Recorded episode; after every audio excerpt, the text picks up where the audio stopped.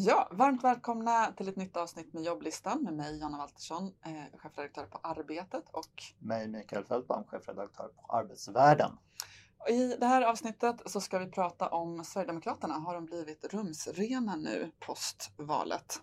Ja, vad, vad säger du? Vi, vi jobbar ju för två olika tidningar som har två olika ägare båda funderar ju just nu över relationen till Sverigedemokraterna och hur, hur, hur man ska hantera att det här är ett parti som är ett, ett maktparti. De kommer ju på något sätt samarbeta med blivande regering. Eh, TCO har, de, de håller på att se över eh, den policy som de har haft. Kan inte du berätta lite grann om den? Jo, men eh, TCO har ju haft en väldigt uttalad eh, policy som har funnits på papper. Eftersom man är en partipolitiskt oberoende organisation så har man ändå tagit ställning på vissa sätt mot SD på grund av deras eh, politik och eh, man har gjort så att man eh, respekterar dem som man säger som valda företrädare. När man bjuder in utskotten till exempel från riksdagen så bjuder man in SD precis på samma villkor som alla andra. Men man har inga bilaterala kontakter. Man träffar inte dem för möten och påverkar inte dem och samarbetar naturligtvis inte. Och nu är det väl det här eh, att om man ska träffa dem eller inte som är på tapeten att se över. Därför att nu har de blivit så mäktiga och inflytelserika så då upplever man att eh, om man inte påverkar ett sådant parti så gör man inte sitt jobb åt förbundens mm. sida då, eh, att påverka politiken. Tänk om man till exempel då skulle eh, bli av med skyddsombuden i facklig regi mm. därför att man inte har pratat med SD. Har man då gjort sitt jobb? Så det mm. finns en sån mm. rädsla. Ja, nej, men det där är ju jätteintressant. Vi har ju intervjuat eh, SDs arbetsmarknadspolitiska talesperson Magnus Persson i veckan och han upplever ju verkligen en ljusning i relationen till, till facket och säger att dörren är vidöppen. Och, eh, han är ju gammal sosse också. Ja, men precis. Och han, han, eh, det finns säkert delar av det här som är liksom medveten provokation. Men, men eh, det är ju uppenbart att det är någonting man funderar på liksom, hos LO också. Hur, hur ska man hantera det här eh, valresultatet? Där har man ju facklig politisk samverkan med Socialdemokraterna men sen så har man ju sagt att man ska, man ska bedriva påverkansarbete och det kan man ju på ett sätt tycka att, att det finns skäl till när man, tänk, man tänker på just så skyddsombuden till, till exempel. Sen finns ju de här principiella sakerna och att eh, alla eventuella diskussioner, möten också får en väldigt stor symbolisk eh, effekt eh, som ju Sverigedemokraterna verkligen kommer, kommer, kommer se som en, som en vinst. Och sen har vi väl frågan med om man kan vara förtroendevald inom ett fackförbund och inom SD mm. samtidigt. Mm, ja, men precis, och där har inte jag uppfattat att det har skett någon, någon förändring. Inte än i alla fall. Det blir kanske också intressant att se de här kommande fyra åren. Det är ju många medlemmar i, i må, många av, av LO-förbunden som, som ju uppenbarligen röstar på, på Sverigedemokraterna.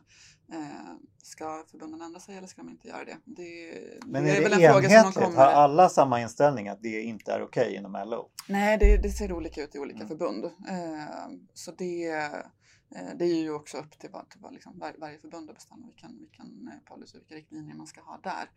Eh, så. Och det, men jag tänker mig att det är, det är någonting som man kommer, behöva, man kommer brottas med de, de närmaste åren.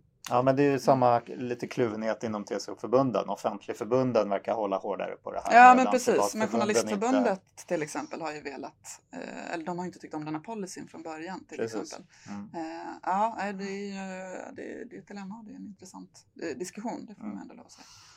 Ska vi säga någonting om det här uh, jättekraschen för brittiska pundet också? Jag ja, tycker det är berätta, lite roligt berätta. och det spelar ju över lite på svensk debatt. Ja. Eh, nej, men man har ju lanserat en skattesänkning eh, för de rika i stort sett. Det är de som mm, får mest mm. av det här.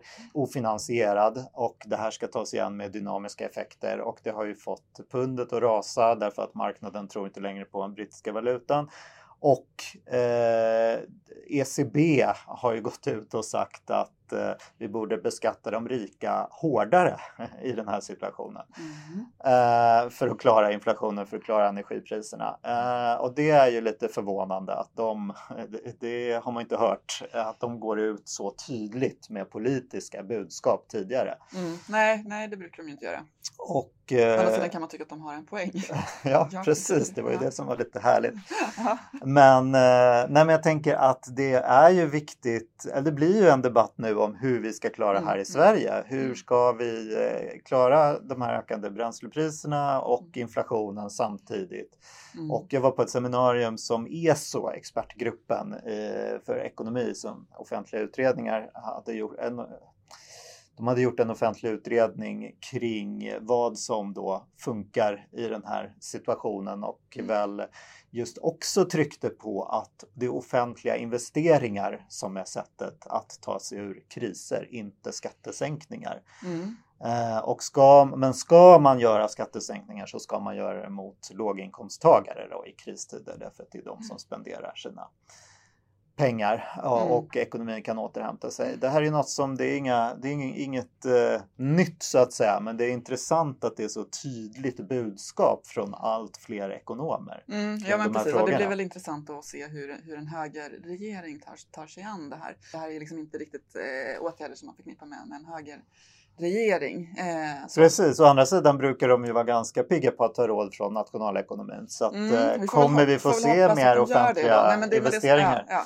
Det som jag också tycker är intressant med det här, för det är också, spinner ju också verkligen in i så här, avtalsrörelsen som ju i högsta grad börjar bli aktuell nu. Just nu har vi ju inte någon lönedriven inflation, men med tanke på den inflation som är så kommer det ju också krav på, på höga, höga lö- löneökningar, i alla fall från, från vissa håll, kanske mer åt hållet från exempelvis IF Metall. Mm. Jag hörde en intressant grej om 70-talet också, som ju många jämför med dagens situation. Ja, Eh, och det var ju att facken höll ju tillbaks initialt. Mm. Ofta tänker man på 70-talet som den här perioden när den här lönespiralen drog igång. mm. Men tydligen, det här är inte dubbelkollat, ni får kolla det här själva.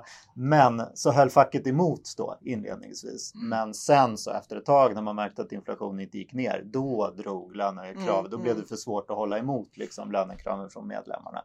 Ja. Och det, blir inte, det talar ju för längre avtal. Att längre avtal vore bra då kan man tänka. Frågan Ja, är vad, hur, Ja, nej, hur det där kommer att... Exakt, jag tror kanske sig. snarare tvärtom. Kortare avtal. Sen måste det bli någon form av låg eh, lönesatsning, vad nu den blir, men det är väl vad jag skulle tippa på i alla fall. Ja, det har ju Unionen gått ut med till exempel Mm, att de mm. vill ha. Mm, ja, flera Mm. LO-förbund också. Ja. Yes, ja men bra. Jag tror nu känns det som att vi har pratat väldigt länge så vi får tacka för oss. Vi ses om två veckor igen. Tack för nu. 对呀。